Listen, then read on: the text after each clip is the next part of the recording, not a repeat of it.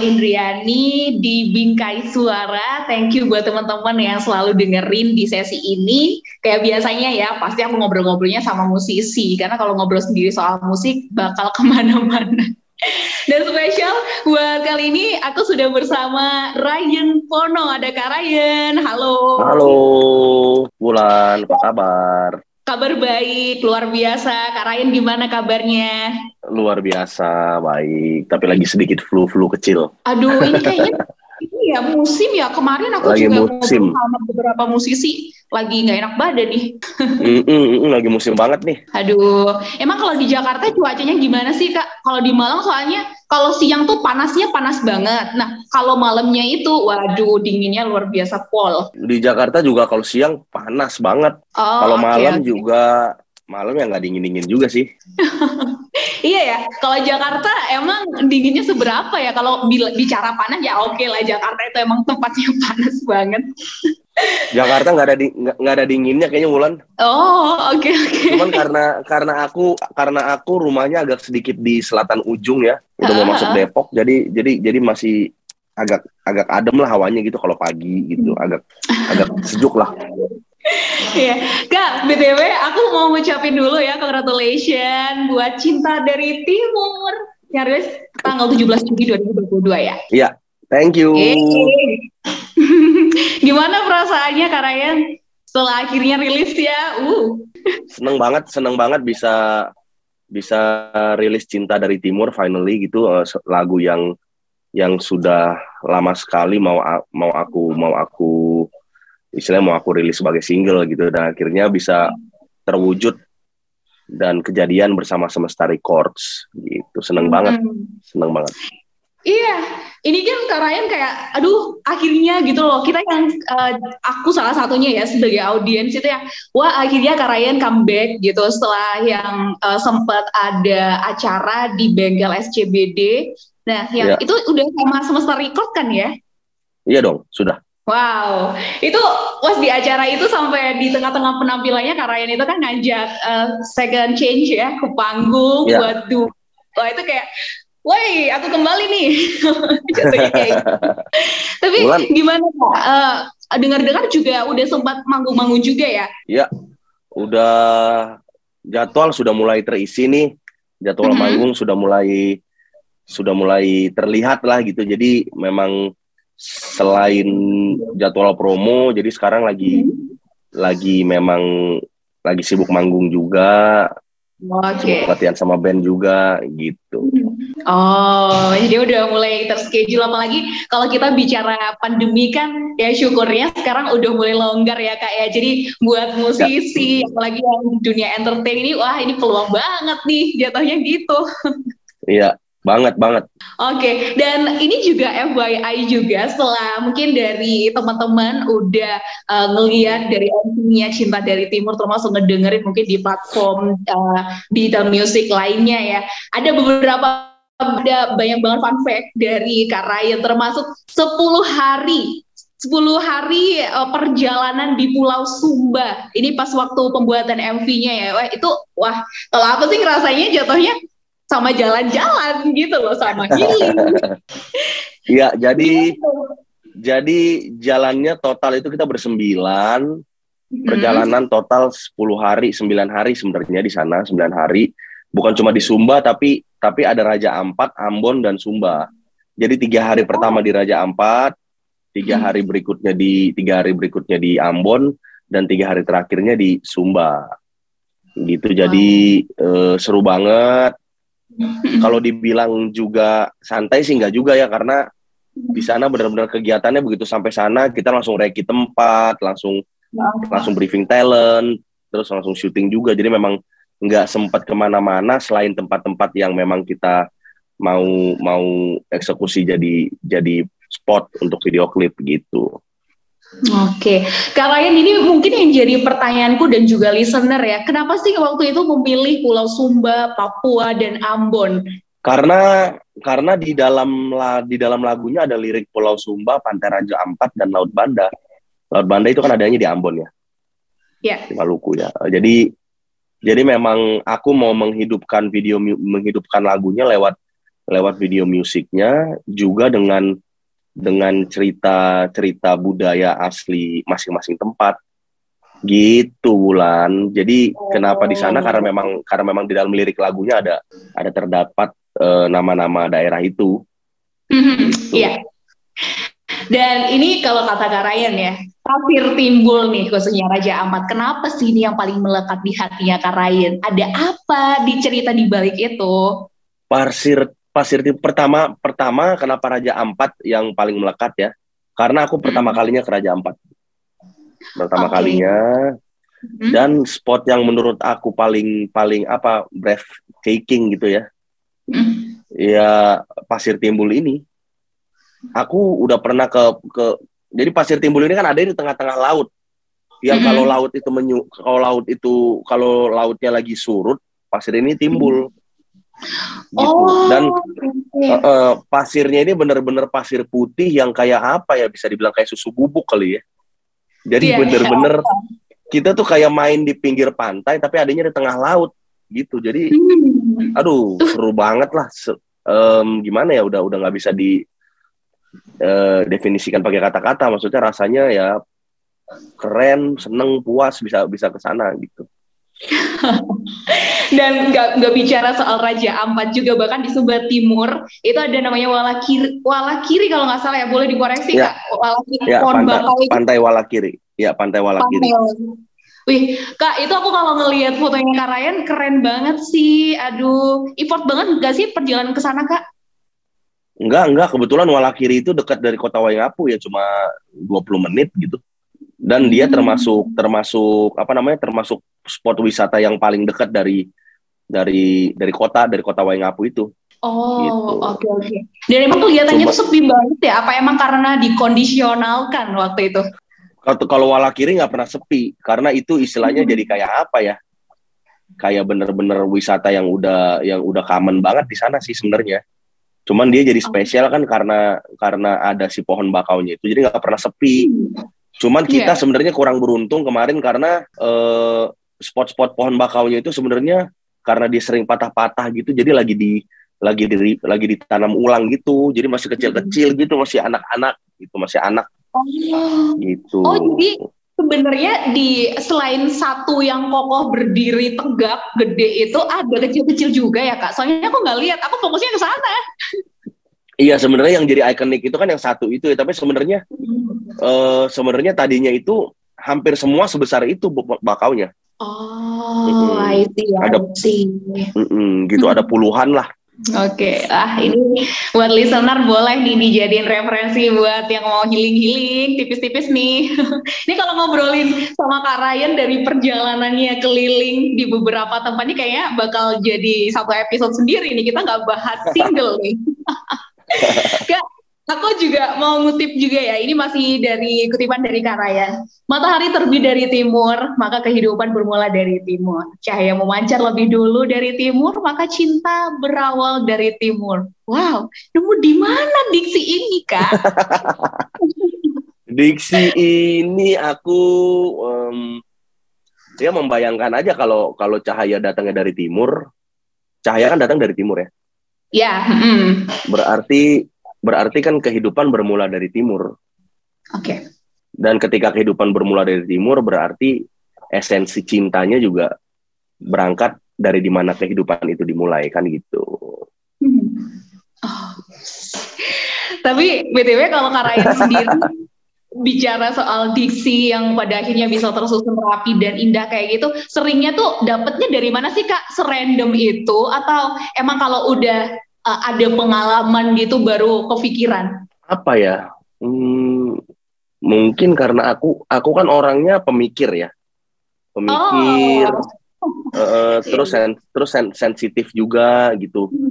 jadi jadi aku tuh uh, seneng merunutkan sesuatu gitu. Mm-hmm. Nggak diksi kan bicara runutan ya, gitu logika yeah. runutan itu yang yang yang sering aku aku sering sering berimajinasi mengenai runutan-runutan diksi gitu. Jadi kalau ini berangkat dari mana, ini datang dari mm-hmm. mana gitu. Kesimpulan ini berangkat dari motivasi apa. Gitu aja sih. Ya mungkin karena karena seneng ya.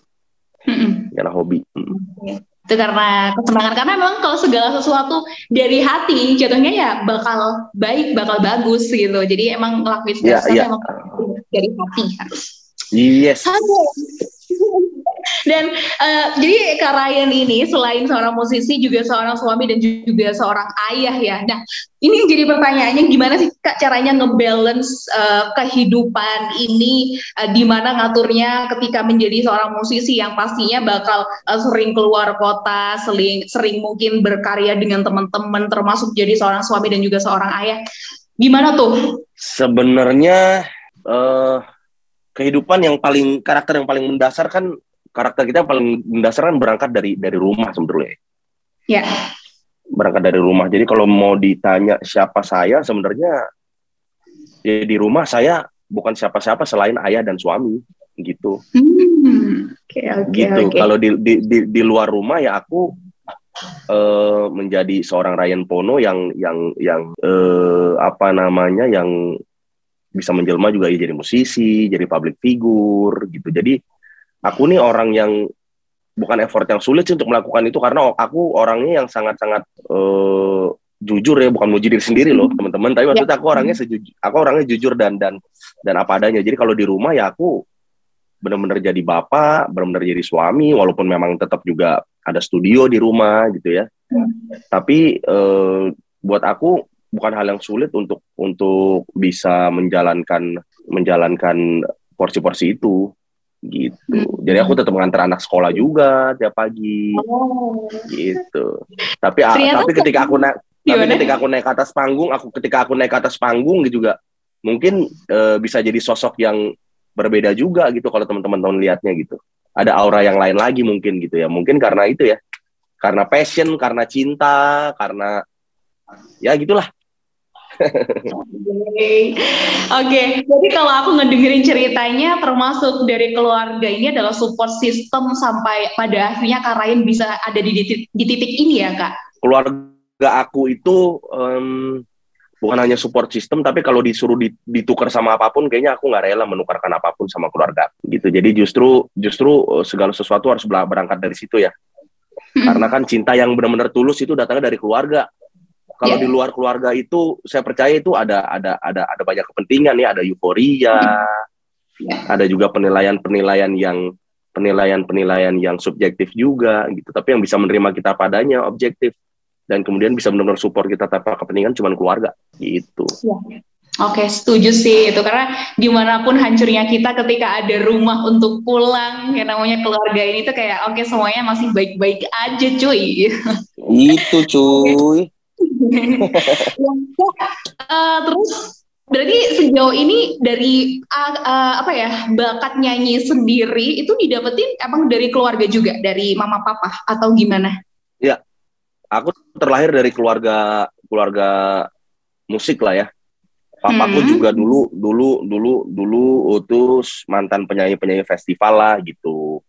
Hmm. Mamaku juga uh, bisa nyanyi juga, berangkat dari paduan suara di gereja gitu aku juga berangkat juga dari dari uh, nyanyi berangkat dari gereja juga gitu. Jadi memang sudah hidup di lingkungan musik dari dari sejak kecil gitu lan Oh, jadi emang dari kecil juga udah banyak nih contohnya, akhirnya iya. kebawa. Yeah. Nah, ini yang ceritanya, jalan ceritanya uh, Karayan sendiri sampai akhirnya bisa bareng sama Star Record ya, itu gimana Kak? Termasuk juga sebelum-sebelumnya, dari mulai uh, masuk karir musisi ya, sampai akhirnya ketemu yeah. sama Star Record dan sampai sekarang. Sebenarnya perjalanan aku dibilang masuk ke industri itu, pertama mengenal industri itu 2002 tahun 2002. Hmm.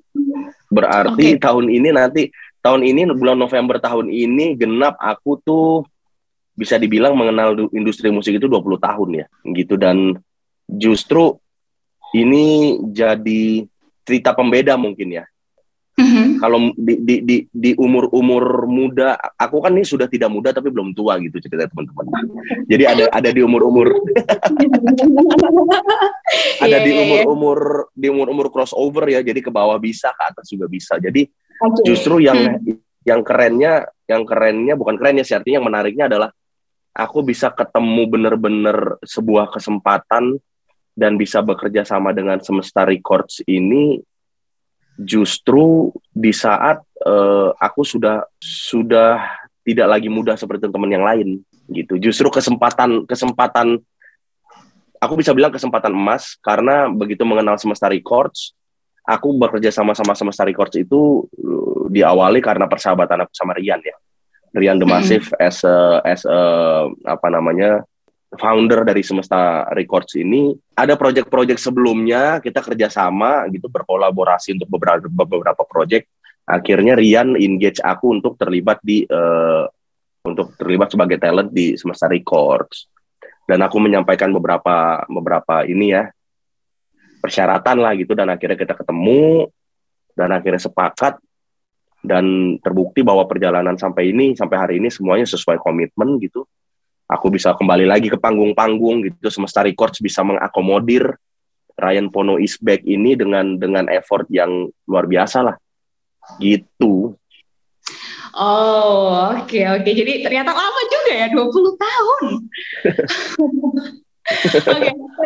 uh, kita ini ya, kita sekarang lompat kita bicarain di singlenya yang cinta dari timur uh, dari MV-nya sendiri itu kan kalau aku ngelihat aku interpretasi aku interpretasikan ya mungkin kalau uh, mau menambahkan boleh atau ada yang salah. Kalau aku ngelihat itu cintanya itu luas banget ya Karain di situ karena ada sosok seorang anak laki-laki sama ibunya yang lagi uh, bercanda-bercanda di sana, termasuk ada anak perempuan sama ayahnya. Jadi cinta itu gak melulu sepasang kekasih di situ. Iya. Yang mau aku yang mau aku sampaikan dan interpretasikan uh, sesuai sepakat sih sama apa yang kamu apa yang kamu apa yang kamu experience yang kamu rasakan pada saat lihat klip itu ya. Jadi cinta itu kan nggak melulu mengenai romantisme sepasang gak kasih gitu ya. Tapi cinta yang universal itu yang bicara tentang ketulusan ya, ketulusan antara anak laki-laki sama ibunya, mengenai anak perempuan sama bapaknya. Jadi aku dan ini dan ini bukan cerita fiksi, artinya gini. Cerita ini diangkat berdasarkan cerita budaya masing-masing tempat itu. Jadi kalau di Ambon itu, Bulan, Mm-hmm. Itu banyak penjual ikan asar. Ikan asar itu kalau di Jakarta bilangnya ikan cakalang ya. Ikan cakalang itu ikan tongkol. Oh. Yang diasap-asepin gitu, bukan bukan dibakar tapi diasap-asepin gitu ya. Nah, penjual ikan itu kan penjual ikan itu ibu-ibu, mama-mama kalau di Indonesia Timur bilangnya. Itu hmm. mereka yang dari dari muda sampai sampai di usia lanjut itu tetap berjualan ikan asar itu, tapi mereka itu mampu menyekolahkan anaknya tuh sekolah tinggi ada yang jadi PNS, ada yang jadi polisi, ada yang jadi TNI, termasuk ada yang jadi di, di, di cerita video klip ini aku mengangkat ceritanya anaknya jadi pilot. Itu jadi bagaimana pengorbanan seorang mama, seorang ibu untuk anaknya walaupun dengan segala keterbatasannya gitu. Oke oh, oke. Okay, okay. Iya itu kan ada gitu. scene yang waktu anak kecil cowok itu bawa apa sih pesawat-pesawatan dari kertas sih? Iya, iya dari dari kecil memang sudah sudah sudah punya cita-cita jadi pilot. Nah, kalau yang Sumba ini penting juga. Jadi di Sumba Gimana? itu ada nama di Sumba itu yang namanya biaya biaya pemakaman itu bisa mahal banget, bisa ratusan juta. untuk memakamkan seseorang yang meninggal gitu apalagi, apalagi kepala keluarga gitu ya. Nah, di dalam jadi di dalam cerita itu seorang anak perempuan yang dia tuh pinter dan dia su sudah dipersiapkan oleh orang tuanya sebidang tanah gitu yang nanti akan dijual untuk biaya kuliahnya.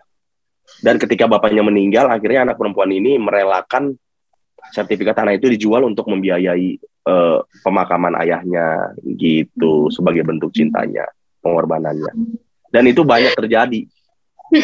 Iya sih, itu kayak nyeritain kehidupan bahkan mungkin di daerahku pun juga oke okay, itu masih masih ada gitu loh yang kayak ya, gitu. Iya. Aduh. Iya. Oke. Okay. Ya, Karayan kemudian uh, untuk proses produksinya sendiri, wah ini pasti ini pasti challenging banget ya. Mulai dari mungkin pemilihan lagu waktu itu, termasuk sampai pembuatan MV dan akhirnya rilis. Itu gimana kak ceritanya? Justru karena karya yang kali ini uh, cukup personal buat aku ya gitu. Jadi sebenarnya uh, segala segala keputusan yang berhubungan dengan produksi lagu ini tuh juga jadi effortless juga sih gitu karena aku nggak perlu mikirin banyak hal jadi aku tinggal mm -hmm. tinggal mengungkapkan aja apa yang aku mau sampaikan nih secara secara personal lewat lagu ini gitu dan ketika ngobrol sama Rian juga sebagai sebagai istilahnya eksekutif produser gitu langsung sepakat Jadi aku memang langsung bikin konsep video klipnya, storyboardnya aku yang bikin. Dan kemudian aku oh. brainstorm sama, uh, aku brainstorm sama direkturnya yang namanya Ido Arwan itu. Mm. Dan dia langsung bisa menerjemahkan visualnya gitu. Terus aransemennya semuanya itu itu bisa dibilang effortless dan mengalir gitu. Aku juga disupport sama beberapa teman-teman, ada partner produser aku yang namanya Alden Luhukai, dan ada co-producer di lagu ini Rama Rama gitaris The Massive. Gitu. Jadi ketika mengerjakan ini semuanya semuanya apa ya? Energinya kayaknya mendukung banget sih. Itu yang aku rasain. Wah, ini ya senengnya ya kalau dalam berkarya pun ternyata circle-nya ini juga ngedukung banget gitu. Banget, banget, banget. Bener banget Wulan, bener banget. Oke, Kak, BTW dari uh, penulisannya sendiri ini kan dari Karayan ya yang nulis? Iya, iya, aku yang nulis lagunya. Hmm, oke. Okay. Dari liriknya ya, ini ini adalah part yang aku seneng banget ya. Yang ini, sayang kau jangan ragu, Pantai Raja Ampat jadi saksi, Laut Banda ku seberangi, Pulau Sumba ku jelajahi, Raja Ampat jadi saksi, buktikan kesungguhan cinta, cinta dari timur. Ini aku jadinya ngebayangin kalau emang ada cowok yang ngomong kayak gini, itu kayak seakan-akan ceweknya itu diyakinin banget kalau aku adalah one and only buat kamu gitu loh jatuhnya.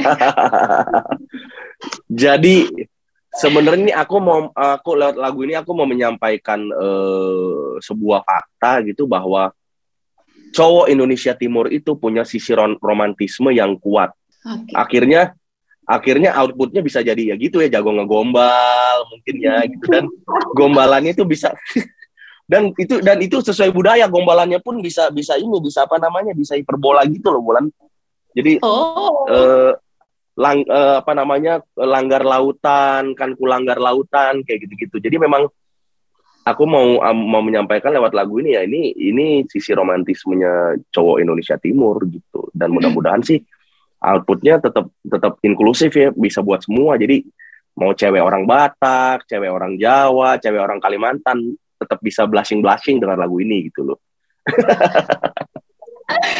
Oke oke, setelah adanya cinta dari timur, akankah ke depannya akan ada cinta dari barat, Kak Ryan? Atau ada apa nih kejutan selanjutnya nih? nah sebenarnya ini kan aku lagi lagi nyiapin album nih, akan rilis tahun ini juga, mudah-mudahan gitu. Jadi sebenarnya cinta dari timur ini adalah berangkat dari narasi kecintaan aku terhadap identitas Indonesia Timur, gitu, identitas aku Indonesia Timur. Di situ ada narasi baru yang selalu kalau kamu lihat di Instagram aku, lihat di bio-bio aku itu ada ada tulisan Nusa Hitam Soul, Nusa Hitam. Hmm. Nah, Nusa Hitam itu adalah narasi baru untuk Indonesia Timur, Papua, Maluku, NTT. Nah, aku mengerjakan album ini berdasarkan narasi itu. Jadi aku membuka hmm. dengan cinta dari timur, Kemudian ada hmm. lagu-lagu lainnya di mana uh, di setiap lagu itu aku menyelipkan sedikit musik uh, perkusi Indonesia Timur gitu yang aku namakan yang di, dikenal orang dengan dengan istilah uh, musik neo tradisi gitu. Hmm. Yang nanti aku juga akan di dalam lagu di dalam album ini akan ada lagu Puncak Asmara milik almarhum Om Utali Kumahua yang juga berasal dari Ambon. Gitu. Wow. dan aku uh, gitu. Terus uh, aku juga akan akan berduet juga sama Second Chance juga. Gitu. Karena di Second Chance itu uh, Second Chance itu aku ketemu mereka di salah satu ajang pencarian bakat gitu kan sebagai hmm. vokal director mereka. Terus aku juga berkolaborasi juga sama Igor Saikoji Oh, Igor Saigoji ini juga juga banyak menyuarakan uh, karya-karya tentang Indonesia Timur. Gitu. Jadi akan ada beberapa kolaborasi juga yang mas sampai yang sekarang masih masih kita coba engage nih belum deal tapi mudah-mudahan mudah-mudahan jadi gitu. Jadi album ini album ini album pertama Ryan Pono as a solo singer gitu. Jadi album ini istilahnya apa ya? Ya bisa jadi jadi effort terbaik aku lah gitu mudah-mudahan. Ya, mudah-mudahan ya. Wah, ini udah dibocorin semua nih jatuhnya nih. Oke deh, Kak Ryan. Intinya untuk albumnya semoga nanti juga sukses ya. Segera kita tunggu supaya kita bisa menikmati bareng-bareng. Kak Ryan. Oke, okay. dan Amin. untuk yang baru ini ya, Cinta dari Timur buat teman-teman yang kepo banget, mau dengerinnya gimana Kak? Termasuk MV-nya? Sudah Cinta dari Timur sudah bisa di-download, sudah bisa didengar uh, di streaming di seluruh digital platform, music digital platforms. Uh, okay. Video klipnya sudah ada juga di sudah tayang juga di YouTube. Dan kalau mau gampangnya, kalian bisa masuk ke IG aku di bio itu, di bio aku itu ada link, ada link oh. Fire. Oh kamu buka link itu dan kamu bisa pilih di mana pun kalian mau dengar lagu Cinta dari Timur gitu. Ya ini buat listener yang pengen menikmati cinta dari timur. Kalau aku sih rekomendasinya dengerinnya tuh pagi-pagi karena ini tuh akan ngebawa vibe kalian lebih semangat lagi gitu loh. Oke, okay. nggak sih kak spill dikit nyanyi di beberapa part ya mungkin part yang tuh sukanya karain deh. Ini okay. spesial buat listener. Oke, okay, boleh ya kak ya? Buat, siap. Spesial okay. buat listener aku akan nyanyi, aku akan nyanyiin di bagian chorusnya ya. Yuk, silakan. Please welcome Kak Ryan Pono.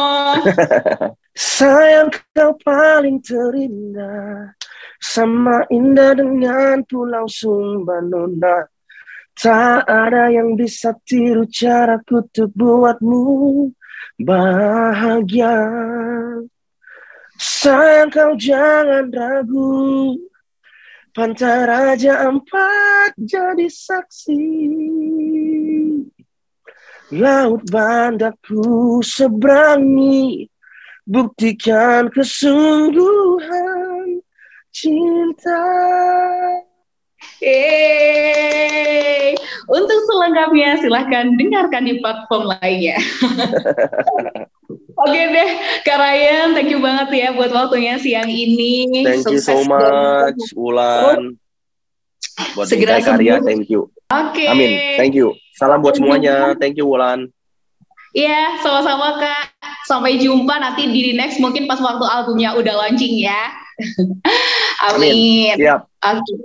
Ya, dan thank you untuk listener yang udah dengerin di part ini bareng Kak Ryan Pono dan episode bersama musisi-musisi lainnya. Dan goodbye semuanya. Bye.